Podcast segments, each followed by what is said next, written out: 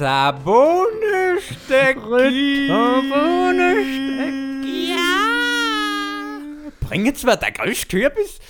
Und äh, mit dem kleinen Zitat äh, möchte ich euch alle ganz herzlich willkommen heißen zu einer neuen Limoncello-Folge. Heute kein Hörspiel wie gewohnt. Ähm, für alle, die uns äh, beim Hörspiel das erste Mal gelost haben.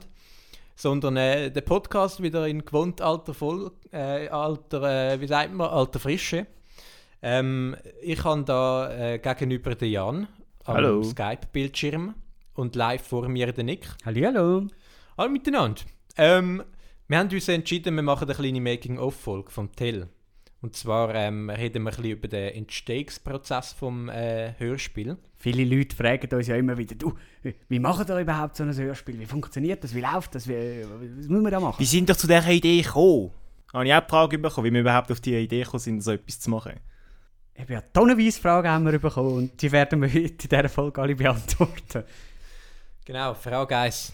Nick, bist du noch Single? Ja, durchaus. Ähm, Frage 2. Nein, ähm, heute geht es genau um das. ähm, und ich würde sagen, wir fangen an, ganz am Anfang, oder? Wir, wir haben den Kasperli beendet, gehabt, wir haben ihn aufgeladen, gehabt, wir haben Freude gehabt.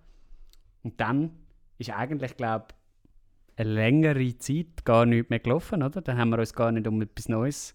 Es ist länger Ja. nicht mehr in Richtung Hörspiel gelaufen. Ich glaube, erst so um die Zeit herum, wo, wo die Diskussionen angefangen haben, wir wollen wieder mehr Spezielles, wir wollen wieder mehr live miteinander produzieren, ist dann irgendwann auch wieder das Verlangen nach einem Hörspiel aufgekommen bei uns. Oder, ähm, Also krea kreative Sachen haben wir ja schon gemacht. Wir haben zum Beispiel einmal noch einen Gast gehabt in der Folge, ja, äh, wow. Dustin Reese. Und einmal haben wir noch die Catch Me-Folge gemacht, das war auch eine Special-Folge. gewesen. Oder die Highlights-Folge, die nicht so gut rausgekommen ist. Ja, aber ich Ähm, meine ja, ich mein mehr dort, wo wir darüber geredet haben, von wegen, dass es über Skype langsam der, der Fuchs draus ist und dass wir jetzt wieder mehr beieinander Mhm. wollen und neue Konzepte und so. Als die Diskussion so ein bisschen angefangen haben, ist auch wieder so, äh, haben wir wieder angefangen darüber zu reden, ob wir wieder mal ein Hörspiel wollen machen Voll. Und wir sind uns dort äh, eigentlich einig gewesen, dass wir nicht wollen, eine Kasperli-Fortsetzung machen sondern dass wir, wir haben ja schon von Anfang an die Idee gehabt, dass es das mal ein Märchen werden, oder? Ja. Genau, wir haben wollen, also ein paar Leute haben ja gefragt, ob es eine Fortsetzung wird geben. Und dann haben wir gedacht, wir kennen den Leuten nicht, was sie wollen. wir wissen es besser. Genau, äh, wir hatten dann schnell die Idee gehabt, um ein Merlin zu machen, aber das, ist, das hat sich dann schwieriger herausgestellt, als wir am Anfang gedacht haben. Und zwar ist das ja so, wenn man mal, wenn man mal so ein erfolgreiches Hörspiel gemacht hat, ist es natürlich schwer, da anzuknüpfen. Wir haben uns angesetzt äh, und haben, äh, glaube am Anfang sogar noch über Skype amig, haben wir angefangen Ideen zu sammeln und ich glaube, die erste Idee ist eigentlich gewesen, dass es um einen Ritter soll gehen.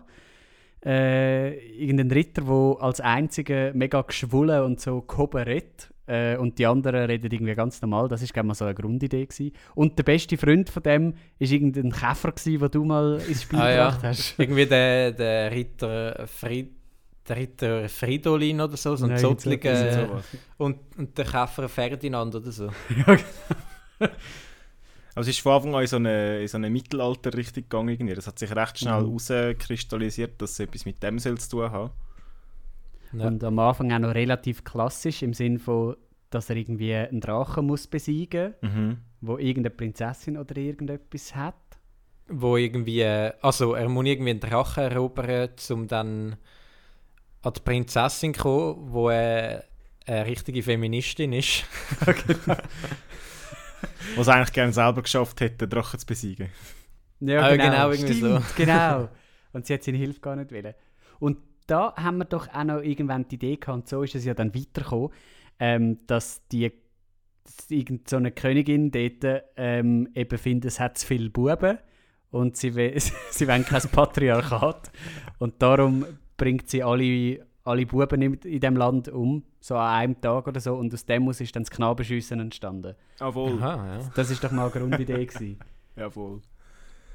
Und- Aber wie sind wir auf den Tel gekommen? Ja, wir haben, dann, wir haben doch dann irgendwie gefunden, ähm, das ist nicht so das Geile von mir, die ganze Geschichte. ähm, aber so etwas im Stil von mit dem Knabenschiessen, um eine Geschichte machen, wie irgendetwas in der Schweiz entstanden ist. So haben wir doch nachher weitergedacht. Mhm. Und darum sind wir doch irgendwie Ich nachher habe auf der. Gefühl, ich glaube, das Problem bei dieser Rittergeschichte war halt, wir haben nicht so einen Spannungsbogen können herstellen Im Sinne von, wir haben nicht Mhm. herausgefunden, was ist die Aufgabe, wo fängt er an, wie kommt er überhaupt darauf, dass er zu dem Drachen kommt. Das ist alles so ein bisschen unklar gewesen. Und eben nachher mit dem Knabenschiessen ist glaube so, ähm, wieso machen wir nicht einfach, wie das Knabenschiessen entstanden ist. Und dann sind wir glaube irgendwie vom Knabenschiessen her auf den Tell gekommen, wo ja auch auf seinen Knab geschossen hat. ähm, aber das Knabenschiessen ist ja dann schlussendlich eher in den Hintergrund wieder gerückt, weil wir dann halt auf dem Ja, Wilhelm Tell sitzen geblieben sind. Noch ganz kurz, kennt ihr, also bei den DVDs gibt es ja immer noch so eine, ähm, eine Kommentarfunktion, wo man den Film noch mit Kommentaren vom Regisseur kann hören Mhm. Das wäre lustig, wenn wir unser Tell-Hörspiel so mit unseren Kommentaren würden zuladen. Und im Hintergrund läuft so der Tell und dann sagen wir, «Hm, das ist eine gute Szene, die habe ich damals. Äh, das ist schwierig zum Trüllen. Ja, und ähm, es ist ja eigentlich, wenn man so eine Geschichte schreibt, ist ja immer so. Also bei uns ist es zumindest so gewesen, wir sind, wir sind ja am Anfang überhaupt nicht im Flow gewesen. Mhm. Und ich muss ehrlich sagen, es hat mich richtig angeschissen, an diesem Teil zu arbeiten, weil es Ja, irgendwie weder auch. lustig noch schon etwas war. Und dann, wo wir aber auf die Idee gekommen sind vom Tell, dort hat es dann gerebelt. Dort war äh, immer gut. Gewesen. Dort haben wir Ja. uns auch etwas Also- können orientieren Es ist beim Kasperli, wo wir eine Figur hatten, die wir alle kennen. Und wir uns ein bisschen an dem können festheben und nicht Charakter in dem Sinn ganz neu haben müssen erfinden, um ihnen Leben zu geben irgendwie. Voll. Also der einzige Punkt, an dem sie ein bisschen gehapert haben, ich weiss, dort sind wir eben alle drei über Skype gewesen. Normalerweise bin ich einmal mit dem Nick zusammengesessen und wir haben einfach den Jan über Skype gehabt. Ähm, aber weil wir alle drei über Skype gewesen sind, ähm, beim Hexenteil, dort hat es dann äh, gar nicht gerebelt. Ah ja, stimmt. Dort haben wir dann irgendwie nach einer halben Stunde Schluss gemacht. Und wir haben etwa drei Sätze geschrieben. Genau, wir haben immer so Sessions gemacht von so zwei, drei Stunden, wo wir am Schreiben sind und über Skype am Reden und Machen und Tun. Und einmal eben alle drei über Skype. Äh, und dort ist einfach eine halbe Stunde und drei Sätze später äh, haben wir wieder aufgehört, weil es uns alle angeschissen hat. Aber ja, und so, so geht es dann immer weiter. Dann schreibt man einfach immer weiter, kommt wieder auf Ideen, findet das lustig, findet das lustig. Äh, dort ist auch gerne noch nicht so wirklich klar, wer welche Figuren spielt. Also wir haben alle schon wahrscheinlich so ein eine Idee, welche wir gerne würden und so. Aber das tun wir eigentlich erst später. Also das Einzige, was einmal klar ist, ist, dass der Nick Dave die Hauptfigur spielt. ja, das ist... Äh, Äh, Sonst gibt es Tränen. oh, jetzt fangst du etwas ganz, äh, ganz Nein, nein, ist an. natürlich ein dummer Witz. Aber wir fangen, wir fangen, ja, beim Schreiben fangen wir ja nicht mit dem Drehbuch an per se, sondern wir fangen an überlegen, was kommt in der Geschichte zuerst und was kommt nachher. Und schreiben eigentlich zuerst den Ablauf von der Geschichte auf und fangen dann an Also das Gerüst. mit den wirklichen Zielen, was wir nachher wirklich wollen sagen Dass wir so eine Vorstellung Ah, haben, ja, stimmt. Ja. in welche Richtung dass die Geschichte soll gehen und wo das sie aufhört. Also wir bauen eigentlich immer das klassische Gerüst. Also zuerst, ähm, man muss Anfang, Mitte, Ende kennen. Und äh, in der Mitte natürlich die beiden Plot-Twists. Das wäre zum Beispiel äh, der Schuss in, in den Nackel vom Walti. Und äh, wo, er, wo er dann äh, auf den Geschmack von der Hexe kommt. Das ist der zweite. Und die haben wir uns rausgeschrieben. und dann haben wir nur noch müssen füllen. Und dann steht da so irgendetwas im, im Sinn von am Anfang irgendwie äh, Tell am Frühstück kommt auf die Idee, äh, Gessler äh, beleidigen oder so, geht zu Gessler, äh, Gessler sagt hm, hm, hm. und einfach so mega grob. Ah, stimmt. Und gewisse Ideen sie kommen dann auch erst im Verlauf vom Drehbuchschreiben, wo man findet, hey, wieso können wir jetzt da nicht noch die Rolle einbauen oder wieso machen wir jetzt da nicht das noch anders? Wo man dann merkt, das Da- wäre eigentlich viel lustiger, wenn wir es so machen. Also das, was wir am Anfang haben, ist noch nicht in Stein gemeißelt. Teilweise sind wir auch mega am Abkürzen. Also es gibt ja eine Geisser-Peter-Szene in der Bar. Die war doppelt so lang gewesen und wir haben sie einfach um die Hälfte müssen abkürzen. Schellenursli, Micha, nicht der Geister. Schellenursli, Äh, ja, Schellenursli. genau. Für mich sind das die gleiche Person. ist ja auch die gleiche Person, muss man auch Oh, sagen. sehr schön gesagt. Hey, wieso? Äh, das ist, äh, Der Schellenursli und der Geisserpeter sind doch nicht die gleiche Person. das ist sein AKA. Schellenursli AKA Geisser-Peter. Ach so. Also der Geister-Peter war ja ursprünglich der Reporter, gewesen, der Peter Geister. Stimmt. Und das haben wir Ja, dann das erst im stimmt. Nachhinein haben wir die, die Figur noch umbenannt. Aber dazu kommen wir Ich glaub- später noch, wieso ich sie glaub die aber- umbenannt haben. Ich glaube, aber ich kann sie nicht so wollen, weil ich, ich habe ich han gesagt, gehabt, Peter Geisser, das checkt niemand, dass das Geisser Peter sollte heißen. Voll. Und am Schluss war sie auch eine Frau. Gewesen. Dann ist sie nicht mehr aufgegangen. Genau. Oh ja, apropos, wir haben ja am Anfang haben wir auch noch, sind wir irgendwie, haben wir uns mega verstrickt in so etwas Politischem. Also äh, der Beat Gessler ist am Anfang eigentlich Oh ja. Bea Gessler gsi und das hat, soll so ein bisschen ein Witz sein wegen dem BAG, Bea Gessler. Äh, und dann haben wir das irgendwie am Anfang noch lustig gefunden, so mit, dass die irgendwie irgendwelche Regeln macht und, äh, und das Volk findet es aber nicht gut und so. Und da haben wir uns mega verstrickt, weil es irgendwie hochpolitisch war und gar nicht unsere Meinung vertreten hat und so weiter und, und irgendwie gar nicht so richtig auf die aktuelle Lage gepasst hätte und so. Ja, alles mit diesen Pressekonferenzen und den Massnahmen, die der Gessler erlässt, ist ja alles indirekt eine Aber- Anspielung auf, auf Pressekonferenzen vom Bundesrat und den Corona-Massnahmen. Aber das hat nachher auch Bedeutung verloren, irgendwie. Also es ist Aber am Anfang ist es mega politisch paar- gewesen und nachher irgendwie nicht mehr. Ein paar Insider haben wir trotzdem drin. Zum Beispiel gibt es ja das Easy Magazine Video, wo, wo so Corona-Demonstranten äh, drin sind. Jawohl. Und einer sagt, ähm, äh, ich bin da, weil der Bundesrat nicht eingesehen hat, dass er einen riesen Fehler gemacht hat. Ja, wieso bist du da? Weil es einfach der Wahn ist. Weil der Staat nicht kann zugeben dass er einen riesen Fehler gemacht hat mit dem Lockdown. da, da haben wir auch äh, das beim Tell eingebaut, also das Stimmt, sagt. Das ist nicht peinlich. Der Gessler sieht nicht ein, dass er einen riesen Fehler gemacht hat. Oder es gibt ganz klare Facts, äh, aber ich bin gerade nicht so gut im Ah Diskutieren. ja, ja, genau. Ja, ist auch drin. genau. Es gibt auch mittlerweile ganz klare Facts, oder? Und Zum Beispiel? ja, ähm, ja, bei so Sachen bin ich nicht so gut mit, zu argumentieren. Was, ich, was ich Mühe habe, ist, äh, Um was für Fakten handelt es sich? Na gut, äh, ich sag mal so, ich bin nicht so gut im Diskutieren jetzt, äh, aber ich muss auch mal wieder los, ne? So haben wir dann immer wieder äh, das alles ein bisschen überarbeitet, Sachen gelöscht, Sachen dazu da äh, und irgendwann einmal haben wir dann die fertige Geschichte gehabt und dann ist es darum gegangen, wer spielt eigentlich wer. Und da haben wir ja eigentlich nicht wollen, alle Figuren von uns spielen lassen. Warum nicht? Ähm, es ist ja einmal so. Ich, ich fange jetzt noch mal von ganz vorne an. hä? Wir sind einmal am Schreiben und der Nick malt sich einmal schon aus, wie könnte man etwas schneiden. Weil man muss sagen, der Nick schneidet einmal unsere Folgen, also unsere, unsere Hörbücher, und er macht das richtig geil. Dankeschön. Da, da gebe ich auch gerne mal das Kompliment. Und der Nick hat Angst, dass wenn wir es machen, dass es weniger geil rauskommt. Ich Genau. bin so perfektionistisch. Das Er hat, du hast doch einmal Aber einfach so darüber- eine Vorstellung im Kopf, wie, das, wie das es gerne möchtest. Und wenn, ich habe das Gefühl, wenn du uns das irgendwie würdest schneiden lassen, wo irgendwie eine andere Vorstellung haben, dann hättest du nachher ein kleines Problem damit, nicht? Ja, man könnte es schon mal ausprobieren, aber ich glaube, ich müsste mich schon zusammenreißen, ja. Also wir haben das ja sowieso schon mal in der Get Smart Folge äh, besprochen. Dort reden wir ein bisschen über ähm, Perfektionismus. Auf jeden Fall, der Nick sagt dann immer, oh, ich will es unbedingt schneiden. Ihr dürft dafür die Rollen auswählen. Mir ist egal, was ich für eine Rolle bin. Und am Schluss ist es die Hauptrolle. Also halt, beim ersten Mal habt ihr mm, in dir gesagt, ja, Nick Espe.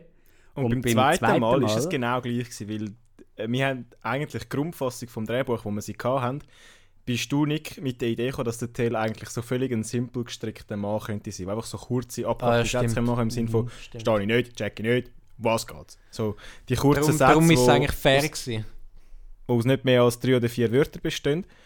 Ähm, und darum, weil auch du so ein die Stimme schon gehabt hast, hat dann der Micha gefunden, dass du das gerade machen sollst. Und ich habe es eigentlich eine gute Idee gefunden, weil es ja am Schluss deine Idee gewesen. Und so bist du auch zum Hörspieler zu der Hauptrolle gekommen. Aber ich habe damals tatsächlich gemeint, gehabt, der Tell sagt eigentlich fast nichts. Ich habe euch ja das sogar noch gesagt, gehabt, Ja. dass ich extra eine Figur nehme, die weniger sagt, weil ich davon ausgegangen bin, der Tell sagt am wenigsten. das habe ich dort tatsächlich noch gemeint, aber das ist nicht der Fall. ja, und ähm, dann eben haben wir die Figur angefangen auswählen. Dort haben wir äh, eben gesagt, weil ich den Tell habe, habe ich einfach noch eine kleine Figur. Und das ist dann der Gessler, der auch gross ist. Aber man muss sagen, es geht eigentlich immer bei unserer Figurenverteilung geht's immer fair zu und Ja, her. Also es ist am Schluss niemand beleidigt. Ja. Also der, der Jan wäre einmal gerne eine gewisse Figur, aber getraut sich dann einmal nicht so genau zu sagen. Und dann sagen wir, Jan, komm, den willst du doch. Und dann sagt er, ja, ich will schon gerne, aber... Aber ich ähm, sage nächstes Mal geradeaus, wer das ich will spielen. Ja. Aber mir ist es wirklich nicht so drauf angekommen, weil ich han, du machst die, du hast die bessere Erzählerstimme gehabt als ich, Micha, und habe darum gefunden, ja, mach's doch, wenn du es besser kannst. Also, macht ja auch Sinn. Und das mit dem Nick, dass er halt so ein bisschen mit der Idee vom Tell gekommen ist, habe ich auch gefunden. Und mir ist es gleich, ob ich jetzt vier Nebenrollen spiele oder zwei grosse und am Schluss soll das machen, was Ich kann. schon. Die, deine Bubenstimme ist schon geil. Es ist so peinlich im Fall. Ich muss ja, also vielleicht können wir ja noch schnell sagen, eben du hast, ich finde es ich find's so crazy beim Feedback, dass man teilweise Feedback bekommt, dass ähm, gewisse Leute einfach die Stimme nicht erkennen. Ja, voll. Ja, voll. also nicht rausgehört, wer wer Also meine ist. Eltern haben beide nicht erkannt, welche Rolle das ich geredet habe. Beide nicht. Meine eben auch nicht. mein Bruder hat dann nicht alle So erkannt. krass. Auf jeden Fall, darum können wir ja schnell auflösen. Nick äh, ist Till und Gessler gewesen. Mein Name ist Tell. Und Retabonestecki. Und wenn wir jetzt noch Kostprobe gehen oder was? Ich kann nicht mal, ich kann nicht Spontan. mehr alle Stimmen, muss ich ganz ehrlich sagen. Ah, das ist aber ah, das ist noch eine witzige Geschichte eigentlich.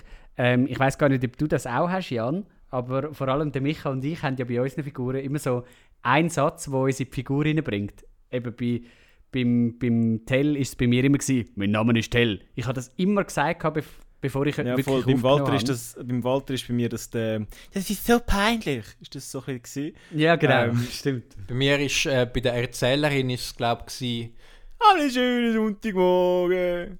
ja, einen schönen Sonntagmorgen. Oder, äh, nochmal eine glaube ich, oder Till? nicht? Nein, nein, es ist glaube ich schon am, am, am schönen Sonntagmorgen gewesen. Oder, ich ist so gewesen. Ah ja, genau. Der ist auch noch ja, einer. Der ist auch noch gewesen, ja. Voll. Und irgendwie, wenn man das einmal gesagt, egal wo, dass wir im Hörspiel drin sind, äh, dann, dann kommt man irgendwie einfach wieder in die Rolle hinein. Beim Casper habe ich das auch aber ich weiß gar nicht mehr, was es da war. Äh, ist ja gleich. Auf jeden Fall, ähm, ja. Aber und, äh, vielleicht können wir ja noch schnell fertig erzählen, wer welche Figur gespielt Ja, wir hat. haben ja ja, genau, Ding dass wir nicht schon wieder wollen, so Frauenstimmen, dass es ein bisschen authentischer rüberkommt, dass wir die wirklich von Frauen reden lassen und nicht, dass wir uns wieder so krass müssen verstellen wie, ich glaube, bei dem Madame Matula ist das ein bisschen das Thema gewesen. Ja. Wenn, wenn wir halt alle eine Quäke-Stimme machen, dann ist es einfach irgendwie nicht so lustig. Also wir können schon ganz eine höhere Stimme machen, aber es ist ein bisschen, der Hörgenuss ist dann nicht mehr so ja, da. und es wirkt auch Und so ganz bei, falsch. beim, und beim Casper war es so eine Figur gewesen, und dann macht es auch weniger, als wenn es Und es ist, Figuren es ist aber auch eine Figur, wo, wo so ein bisschen eine Witzfigur ist, in dem Sinn. Wie bei den Hexen, bei den Hexen ist es ja auch gewesen, das sind so ein bisschen Witzfiguren und bei denen kommt es jetzt nicht darauf an, macht es jemand männliches oder jemand weibliches. Aber bei, so der, bei der Mhm. Maya Tell oder bei, bei der Barkeeperin ist dann schon, oder beim Heidi vor allem, ist schon wichtig gewesen, dass jemand weibliches die Stimme redet, weil sonst hätte es eben nicht so authentisch gewirkt. Das ist so. Aber ich finde es immer wichtig, dass ähm, die Hauptperson immer eine, eine deutliche Stimme eigentlich hat. Ähm, der Till ist ja recht deutlich und klar, also die klarste Figur, die es gibt eigentlich. Und auch im Kasperli, ähm, der, der, der, der, der Kasperli, jetzt habe ich lange den Namen gesucht. ähm, der Kasperli hat ja auch eine mega klare Stimme eigentlich. Verglichen mit Wenn dem Barkeeper und dem, und dem Seppli oder wie heisst? Genau. Also wenn jetzt der Füdlifinger Franz Ah, oder genau. ähm, der Ladenverkäufer die Hauptperson gewesen wäre, also das sind lustige Figuren, aber es, es wäre irgendwie nicht so angenehm, wenn das die Hauptfiguren Ja, gewesen wären. Man muss die Hauptperson am besten verstehen, damit man mit dieser Art kann die Geschichte erleben kann. Genau, und wenn jetzt es die bei der am Hexe- wichtigsten ist, dass die Hauptpersonen gewesen wären, hätte man auf die Tour einfach den Faden verloren oder keine Lust mehr gehabt zum Weiterhören, weil es halt Ja. teilweise auch relativ anstrengend ist, zu dem Ja. zuhören und die verstehen. Welche Hex bist du eigentlich gewesen, Jan? Ich bin die Spanierin. Gewesen. Bruches Genau, Zwergegeister, also du bist- kannst uns nennen, wie du möchtest.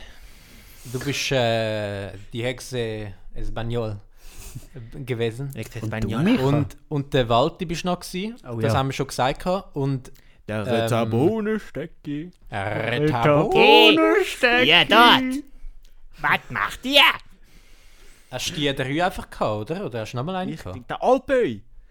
Ah, ja, schon wieder diese die Ruhren Bias. Oh, man, es tut schon wieder Also bei dieser Figur verstehe ich dass man dich nicht erkannt hat, weil die ist am weitesten entfernt von deiner eigenen Stimme. Aber bei den anderen Figuren Aber die hat auch- wir doch eigentlich einen Jan rausgehört. Ja, ich finde auch. Aber der Alpö hat mit Abstand auch am meisten Veto zum Reden. So, irgendwann so nach drei Sätzen, nach dreimal, nach dreimal den gleichen Satz sagen, hat es irgendwann im Hals angefangen, äh, räuseln und tun. Und dann habe ich gesagt, wir müssen einen ganzen Liter Wasser trinken, was dann zu hunderten von WC-Pausen geführt hat.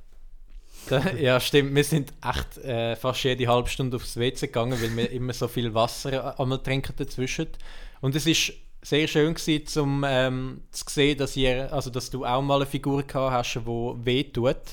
weil ich habe im Kasperli den Wachmeister gespielt und der hat ja eine tiefe Stimme. Ja, und mega viel Text Und- vor allem. auch. Aber ich bin froh, dass er mir Also der hatte so und irgendwie, es, ich, ich habe nach jedem Satz müssen husten und das hat am Ende vom Tag so weh da.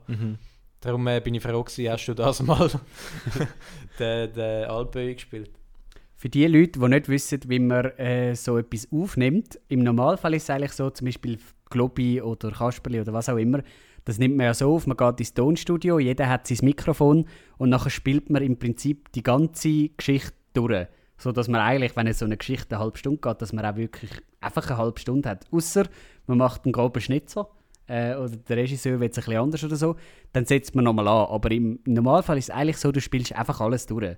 Aber bei uns ist das ja ein bisschen anders, weil zum einen haben wir weder, wir haben weder ein Studio, noch haben wir äh, genug Mikrofon. Also doch, das hätten wir gehabt. Aber ähm, Und der Nick ist sehr perfektionistisch. Kommt noch dazu. der wäre. Du? Hä? Ja, ich hätte jetzt viel, wenn wir das als Theater durchgespielt hätten, die 20 Minuten, dann hättest du bei jedem zweiten Satz gefunden, äh, kann ich noch etwas anderes sagen? Ja, und ihr hättet alles geil gefunden. Nein, wir hätten uns Mühe gegeben, du hättest es trotzdem scheiße gefunden. Hä? Was will jetzt das? Egal. wenn ich, wenn ich äh, sage, mach's doch noch ein bisschen mehr so und so, ist das ja nur meine Meinung. Und nachher diskutieren wir amig drüber und dann machen das so oder nicht. Oder Du tust es ja am Schluss gleich, du. Ja. ja, also komm, bashen wir den nicht. Weil das will gut Ist machen. Nein, wir haben es ein bisschen anders gemacht. Zum nochmal schnell auf mich zu sprechen zu kommen. Ja, der, der Micha ist schon lange nicht mehr zu Wort gekommen. Ich hatte äh, die Erzählerin. Gehabt. Danke der, Nach danke der Nachfrage. Ähm, dann hatte ich den Roger Schimpanski noch. Gehabt. Ich glaube, dort hat man recht gut erkannt, dass ich das bin. Also die ist jetzt recht nah an meiner Stimme. Ja, gewesen. dort am dort, äh, dort kann ich nicht so gut die Stimme einnehmen. Ich habe mehr versucht, ähm, von der Redeart zu reden wie er. Weil er redet teilweise so schnell, dass er gewisse Wörter sogar verschluckt. Zum Beispiel habe ich gesagt... denn Äh, der, der Roger Schawinski. Ah, das ist ja immer orientiert. das ist ja immer orientiert, genau. Ah, jetzt ist alles klar! Der redet teilweise so schnell, dass er Wörter verschluckt. Und das habe ich ein bisschen versucht, also ich habe es versucht, ein bisschen dezent zu machen, wie es bei ihm passiert. Also zum Beispiel, unser Russikol schmeißt aus dem Blöcher. Also, ein bisschen so. Und dann habe ich noch ähm, die russische Hex gesprochen. Von der bin ich nicht so ein Fan, muss ich ganz ehrlich sagen. Finde ich nicht so eine geile Figur. Ähm, ja, mit der, also ich weiß nicht, die Hexen sind sowieso sind jetzt nicht meine Lieblingsfiguren in dem Hörspiel gewesen. Ja, voll. Sind das die einzigen zwei Ich Rollen, die du gehabt hast? Ähm, die einzigen drei. Ah, ja. Falsch zählt. Alles Genau. klar. Ich, also eben, ich finde beim Hörspiel sowieso die erste Hälfte, man kann ja sagen, es hat ja wie zwei Teile im, im Tell-Hörspiel. So, die erste ist die klassische Tell-Geschichte, wo er den Bub abschießt. Sehr klassisch, das Ganze. Das finde ich, die Hälfte finde ich deutlich stärker als der zweite Teil, dann, wo er zu den Hexen geht und so. Dort geht auch Weil, alles viel ähm, schneller. Es ist wie bei Game of Thrones. Ja. Ab dort, wo man keine Geschichte mehr äh, hat, an der man sich orientieren kann, geht es den Bach ab. Genau. Genau, ähm, aber ich hatte dich jetzt noch schnell unterbrochen gehabt bei einem anderen Thema, glaube ich, indem ich noch schnell meine Figuren haben wollte sagen. Richtig. Du hast davon geredet, wie wir genau aufgenommen haben. Ah, genau. Ja, da ist es eigentlich immer so. Ähm, einer von uns steht vor dem Mikrofon, der andere am Computer und der dritte, wenn es der Jan ist, dann ist er am Handy. Aber ich habe gleich zugelassen. Einfach, dass ich es gesagt habe. Micha ist auch am Handy. Tennismatch. gewesen. Ich bin nicht am Handy gewesen, nein. Nein. Nein. ähm, wir haben Making-of-Bilder gemacht. Ähm, es gibt fünf Bilder, wo der Jan am Handy ist. Ist Gott zählen oder was?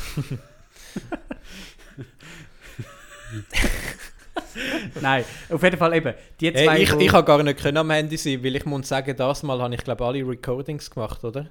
Stimmt. Ja. Also dann, wenn du nicht geredet hast. Ja. Dafür, dafür ähm, beim, beim Kasperli habe ich nie aufgenommen. Dort, habe ich, dort bin ich mehr der Fotografieren. Gewesen. Dort war der Jan unser Soundingenieur. Genau.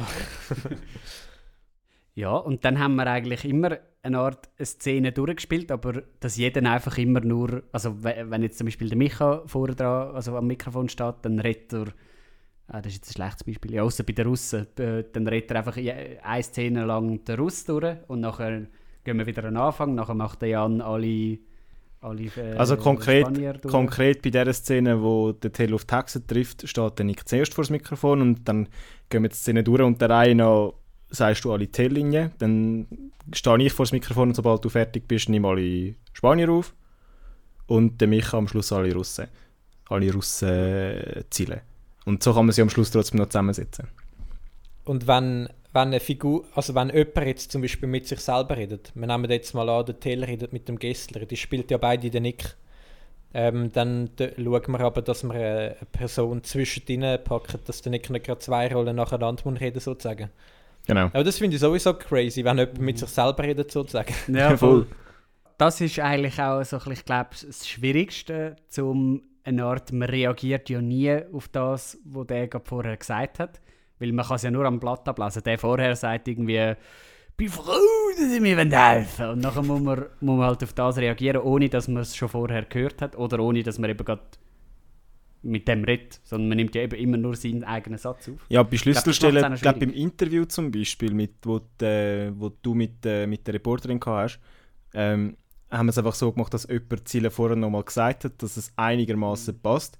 Aber trotzdem ist es ja nachher nicht konkret so, wie es dann wirklich gesagt wird. Und das macht es, glaube ich, nachher beim Schnitt noch schwierig, um dort äh, einigermaßen passend zu schneiden.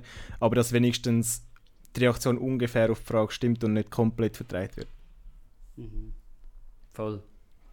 Und äh, gerade dort merkt man apropos, wenn man, wenn man gut zulässt, dass ähm, der Gessler dort noch ein bisschen eine andere Figur ist als nachher auf dem Dorf Merit. Ja. Äh, weil, weil er, nachher wird er halt noch viel übertriebener, aber im Interview, dort habe ich die Figur wie noch nicht so richtig intus gehabt. Und dort habe ich sie noch ein bisschen weniger übertrieben gespielt. Aber Ähm, finde ich passt ehrlich gut, gesagt, gut weil, dann, weil wenn, äh, dort ist er wie im Radio und, muss, und schaut so ein bisschen, wie er auftritt und nachher ist er im echten Leben und unzensiert. Muss noch ein bisschen seriöser sein. hä? Richtig. Ja. Alles blank gewesen. Das habe ich dir aber auch so gesagt, dass du so solltest machen Regieanweisung von ganz oben. Der Chef empfiehlt. Ja, wir machen auf jeden Fall immer, ähm, immer Safety Shots. Das heißt, einen einzelnen Satz sagen wir immer. Entschuldigung.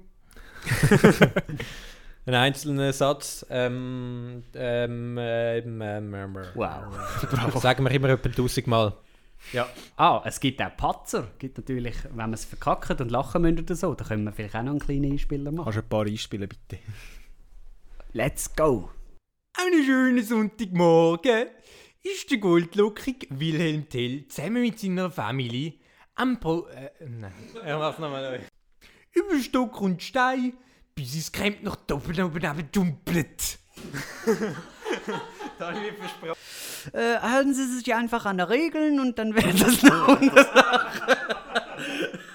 Packen Sie einen Rüssel wieder ein, junger Mann. Sie wissen wohl nicht, wo Sie hier, hier, äh, hier, hier, hier. Genau darum habe ich die mitgenommen. Um! Und so, liebe Kinder, hm? Ja, aber nochmal zum Thema, äh, dass wir nicht alle Figuren wollen spielen Da haben wir ja eben gedacht, Frauenstimmen sollte jemand anders machen. Und dann sind wir auf die Suche gegangen. Und äh, dann hat uns der Büssi zugesagt für den Schellenursli. Nein, ähm, beim, beim Schellenursli, ich komme gerade nachher noch mal schnell auf Frauen, beim Schellenursli ist es auf jeden Fall so gewesen, dass der halt so angetrunken ist. Und ähm, das haben wir uns selber nicht so zutraut, weil ähm, angetrunken spielen, das kann schnell mal nach hinten losgehen, dass es irgendwie ein bisschen lächerlich überkommt. Es ist eben Und recht schnell gewusst- übertrieben und wirkt dann nicht mehr echt. ja, und wir haben gewusst, äh, der Büssi äh, hat, hat äh, gute Figuren drauf, ist ein guter Schauspieler. Ähm, und dann haben wir ihn angefragt. Also er hat ja, er macht, hat ja teilweise schon den Vujo nachgemacht. Und der geht ein bisschen die betrunkene, antrunkene Richtung. Und dann haben wir Jawohl. ihn gefragt, ob er da kann, ähm, so eine ähnliche Figur spielen Und man muss sagen, wir sind da so hoch zufrieden. Ja, Ähm, das ist richtig geil. voll. Das ist richtig Haben wir uns gefreut. gefreut. Richtig Haben wir gefreut. uns sehr gefreut, ja. Aber natürlich haben wir uns auch über die anderen Figuren gefreut. Ähm, eben zwei davon sind unsere Kolleginnen. Gewesen. Äh, die, ah, die kennt man ja von, Von Catch Me. Catch Me Drei, drei sind Kolleginnen gewesen. Ja gut, eine ist mit mir verwandt. Gell? Ja gut. Zähle ich jetzt mehr zur Familie. Ich sehe sie als gute 17 Kollegin an. Aber die Veronika und Dakota, die die Maya Tell und Barkeeperin gespielt haben, äh, wenn ihr, nicht, wenn ihr ein, äh, ein Gesicht dazu wollt, dann schaut die Catch Me Folge. Die äh, beiden sind dort auch mit dabei. Ähm, und ja, genau, dann eben die Anais, wo uns da die, die trockene Moderatorin äh, gegeben hat, die ich, wo ich richtig geil gefunden habe. Hammermäßig. Ich liebe Habe die, mega die geil Figur. gefunden. Wir haben ja die Die- zuerst, ist so zuerst haben wir es ja wollen Figur. selber machen, nicht? Also eben mit, beim Ja. Peter Geiss, mit dem Geisser-Peter.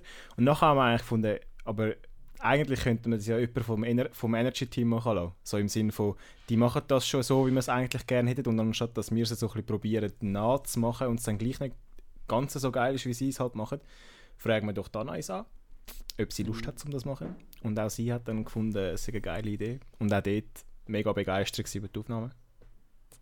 Also, wer jetzt nicht weiß, was für eine Figur wir da meinen, das ist so ein bisschen das, äh, äh, die, die trockene Moderatorin halt, wo ein bisschen so redet und das finden Also so ein bisschen lustig. Tele Zürich Ja, genau. Und das ist auch richtig geil rausgekommen. Und dann eben das Heidi. das war äh, die Straizia, meine, meine Cousine oder Cousine zweiten Grades. Genau, für die zwei Sätzli ist sie extra ein paar hundert Kilometer zu uns gefahren. Sie ist von Winterthur auf Langnau gekommen, ist das nicht herzig? Mal. Am, am Abend um 8 Uhr. Und hat gefragt, ob sie sich schön muss anregen dafür. Ja, genau. Mit ihr werden wir sicher, also sie werden wir sicher auch mal als Gästin einladen. In eine, Als in Gästin? eine Limoncello Quatsch am Donnerstagmittag Folge. wird sie unsere Gästin. Gästin, sagen der Gästin oder Als was? Gast. Ah, ist natürlich männlich. Ja, hey, hallo. Kann man Gast Geht's? gendern? Da, müssen, Natürlich nicht. kann man, da müssen wir natürlich fragen, ob man Gast muss gendern. das kannst du Das so drin lassen. uns pfeifen.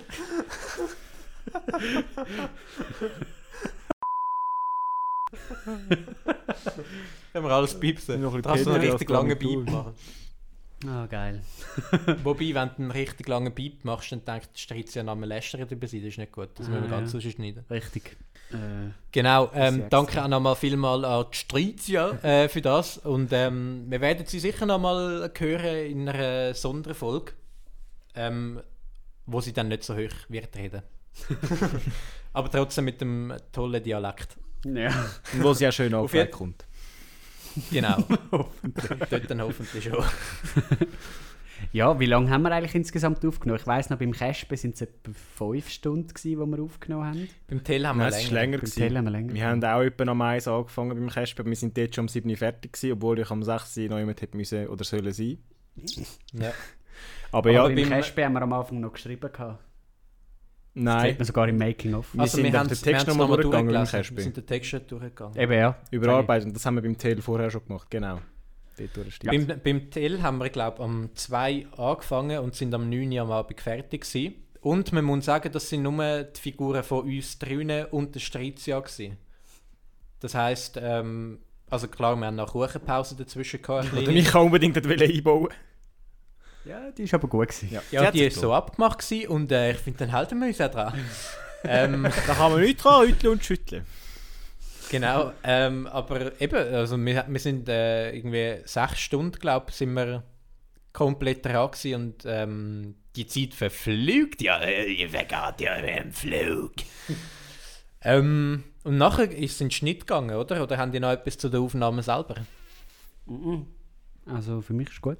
Und zwar, genau, wir haben eben nämlich mehr aufgenommen, als wir am Schluss drinnen hatten.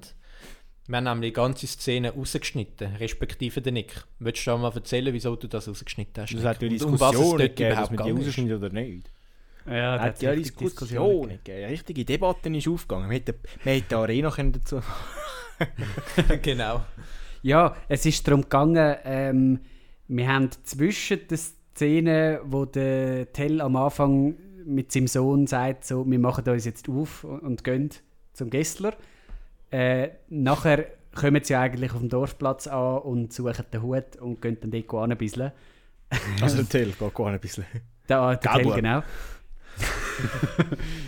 ähm, und dort dazwischen haben wir noch ein Crossover gehabt, nennt man das so? Schon, oder? Ähm, Ja, mal. Das kann sein. Ja, ja, ich glaube schon. Jan, erzähl mal. Es hat, ähm, wir haben noch eine Szene aus dem Casper eingebaut, gehabt, und zwar die, wo der Casper den Füdlifinger Franz am Teich, am Jungfrauenteich, wie haben wir es, wie haben wir es genannt? Jungfrauensee, glaube ich. Jungfrau, irgend sowas. Der, wenn er ihn dort noch abschlägt und dass dann der, aus sich, sich herausgestellt hat, dass der Walti mit dem Casper in der Schule ist. Und äh, es hat einfach dort noch eine Anspielung auf das Stück gehabt. Aber wir Ja. haben nachher, glaube ich, gefunden, dass es so ein bisschen den Flow aus dem Ganzen rausnimmt. Wir haben ähm, so ein kleines Easter Egg einbauen für alle, die Wo der Casper schon den kennen. Casper selber gehört haben. Wieso spielen wir da nicht schnell die Szene ein? Dass äh, Wir überhaupt alle wissen, von was wir reden. Es war so, gewesen, der Wilhelm Tell ist zusammen mit seinem mutigen Sohn, dem Walti, über Stock und Stein bis ins Camp nach Doppelleben jumpelt. Von weitem sehen sie einen Bub mit der roten Kappe, der gerade wie wild auf einen anderen Bub eintrischt. Was ist, was ist auch passiert? Wo, wo bin ich? Oh, oh, oh, oh, jetzt wacht mir der auch noch auf, du. Da zieh ich Oh aber komm, grad Sohn, mal das ist der Kasperli. Mit dem will ich nichts zu tun haben. Anscheinend hat er einen Kiosk ausgeraubt, sagt unsere Nachbarin Matula. Ja, ich gehe mit ihm in die Klasse. Der raucht im Fall, glaub auch. Äh, Ein bisschen mehr zu Hause lassen würde dir auch gut tun, Sohn. Deine Liebesbriefe sind ja gut und recht. Das sind keine Liebesbriefe. Der Elisabeth ist nur eine Brieffreundin. Von mir aus kann sie auch ein Brieftaube sein. Das macht dich auch nicht männlicher. Über den, den Schnitt selber kann, kann nur noch der Nick erzählen. Ja, viel gibt es da nicht zum sagen. Das Einzige, was man kann sagen ist, ähm, was ich halt dort äh, mache, ist, blöd gesagt, alles vertonen. Also zuerst mal natürlich die ganze Geschichte so äh, in die richtige Reihenfolge bringen, da wir ja nicht alles am Stück aufnehmen. Und nachher geht es eigentlich vor allem darum, den ganzen Bums zu vertonen. Das heisst, äh, jeder hure Vogel, den man hört, oder, oder jeder Schritt, wo, wo die Personen machen, am Anfang beim Essen, also beim, am Morgentisch, habe ich irgendwie äh, halt jedes Geräusch, das man dort hört, ob es jetzt irgendwie etwas überschieben ist, ob es ein Schmatzen ist, ob es äh, irgendein Glas ist, das man hört, etwas zu trinken. Das alles, entweder äh, lade ich es aus dem Internet ab oder ich nehme es selber auf. Ich glaube, zum Beispiel in der Bar hört man es sehr gut, äh, in der Barszene, wo es am Anfang heisst, irgendwie, äh, ein Bär sind am Jessen und so. Und dann hört man im Hintergrund... Leute. Ja, genau. Und die, die habe ich natürlich, also das merkt man, dass ich es aufgenommen habe. So. Ja, und so zieht sich dann das. Ähm, am Anfang mache ich mal einfach so ein bisschen und noch ein bisschen Hintergrundgeräusch und Musik und so. Und dann fange ich immer mehr an und mehr an und mehr an. Und dann irgendwann, glaube erst gegen Ende fange ich dann auch an, äh, die Stimme ein bisschen zu bearbeiten. Das heißt, wenn es zum Beispiel auf dem Dorfplatz hört man das zum Beispiel sehr gut. Ab dort, wo, wo der Tell auf dem Tritt oben steht und irgendwie sagt, äh, eben der, Gessler sieht nicht er einen riesen Fehler gemacht hat. dort wird, ja, wird das ganze Dorf ja ruhig. Und dort habe ich dann angefangen, so einen Hall einbauen. Also, dass, wenn er etwas sagt, dass es halt halt, weil er auf dem Dorfplatz ist und man ja nichts mehr anderes hört. Ähm, und so Hall und so habe ich, je nachdem, ob man draußen oder drinnen oder, oder wo ist, angefangen rumbasteln und so. Ja. Die Lautstärke von der ist es Stimme hast du glaube auch noch ein bisschen angepasst, hast du mal gesagt. Ja, ja, dass es genau. ungefähr gleich laut ist. Das ist halt, wenn, Ja, man, voll. wenn man die Aufnahmen nicht alle am gleichen Tag mit den gleichen Einstellungen macht, dann ist das nämlich. Das ist so. Darf ich ganz schnell aufs WC?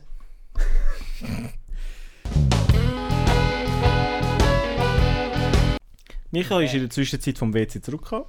Hey, so etwas äh, sagt man doch nicht. Das ist nicht seriös, Jan. Bitte Weil professionell wir ja so ein seriöser Podcast sind. Ja, das dunkelt mich schon. Wir sind schließlich in den Comedy Charts, gell? Wir sitzen Platz nicht ohne Grund irgendwas im, 40 im. Anzug da. Hm? Du, Zahlen steigen, die Zahlen steigen. Krass. Und nicht nur Corona-Zahlen, sondern auch unsere Podcast-Hörer. Ja, du. Ja, du. Ich glaube, mittlerweile sind nein, wir sind noch nicht der erfolgreichste von der Schweiz, oder? Oder sind wir schon? Ähm, ja, aber wir werden einfach nicht in den Charts angezeigt. Das ist mega komisch, ja. Ähm, eigentlich, ich glaube, Spotify tut uns extra verstecken. Weil wir so gut ähm, sind. Weil, weil sie nicht wollen, dass wir so einf äh, einflussreich werden. Weil wir eine andere Meinung haben als, äh, als Allgemeinvolk. Wir, wir sind einfach zu gut für Spotify. Wir sind zu gut. Sie haben uns geschrieben, ähm, ihr seid wirklich cool, aber ihr seid zu gut, darum zeigen wir uns nicht an. Wir sind das zu haben gut sie für den wortwörtlich so gezeigt. Ja. Und das finde ich schade, würde ich jetzt mal sagen. Ja, aber, du- ich finde es auch okay. Ich habe also, gemeint, ich hab gemeint, wir haben Zeiten von Zensur, äh, von Staatszensur hinter uns gelassen, aber nein, da sitzen wir. aber wir werden gut bezahlt von Spotify. Spotify sieht nicht ein, dass sie einen riesen Fehler gemacht haben. ja, no. Ja, aber ähm, das wäre es zum Tell, oder? Oder haben die noch etwas? Ich muss sagen, ich finde es ein geiles Projekt. Der, der Kasperli, lachst du jetzt, weil ich das Mikrofon wieder am Umschütteln nein, bin? weil, weil du so völlig emotionslos Ja, ich finde es ein geiles Projekt. Ähm. ich finde, ich, han- ich höre ihn wirklich gern. Ich ihn, habe ab und ich habe ihn schon oft gelost, ohne jetzt arrogant zu tönen. viel öfter als der Kasperli, wobei ich muss sagen, dass der Kasperli halt eine viel rundere Geschichte war. Ja. Ähm, Im Tell, finde ich, gibt es mehr Höhen, aber auch mehr Tiefen. Und genau darum haben wir ja eben die eine Szene rausgenommen. Weil es zum Beispiel im Vergleich zum Kasperli viel mehr äh, Szenenwechsel gibt. Da sind es mal da, mal dort, Ja, mal und es dort, mal viel dort. mehr Personen. Das kommt auch noch Und dazu. viel mehr Personen, genau. Und es ist jetzt so ein bisschen mehr ein Wirrwarr. Mhm. Aber eben, du, es ist jetzt gut, wie es ist, oder?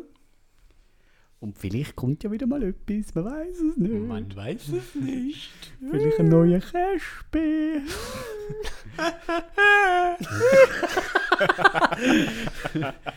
Also, aber dann schließen wir die Folge so ab, oder? Oder wenn ihr noch ein Fazit? Ähm, wir können ja eine Umfrage machen zwischen unseren Hörerinnen und Hörern. Äh, Oh, was nein, findet ihr das besser? an. Fangen wir das nicht an, bitte. Hey, jetzt gehen abstimmen und nichts in einer Insta-Story. Könnt ihr in den Shownotes gehen, abstimmen gehen. Und dann freuen wir uns drauf, ähm, wenn wir euch bald wieder hören. Oder ihr uns. Freut uns auf beides. Also, ähm, ähm, danke fürs Zuhören und ganz eine gute Woche.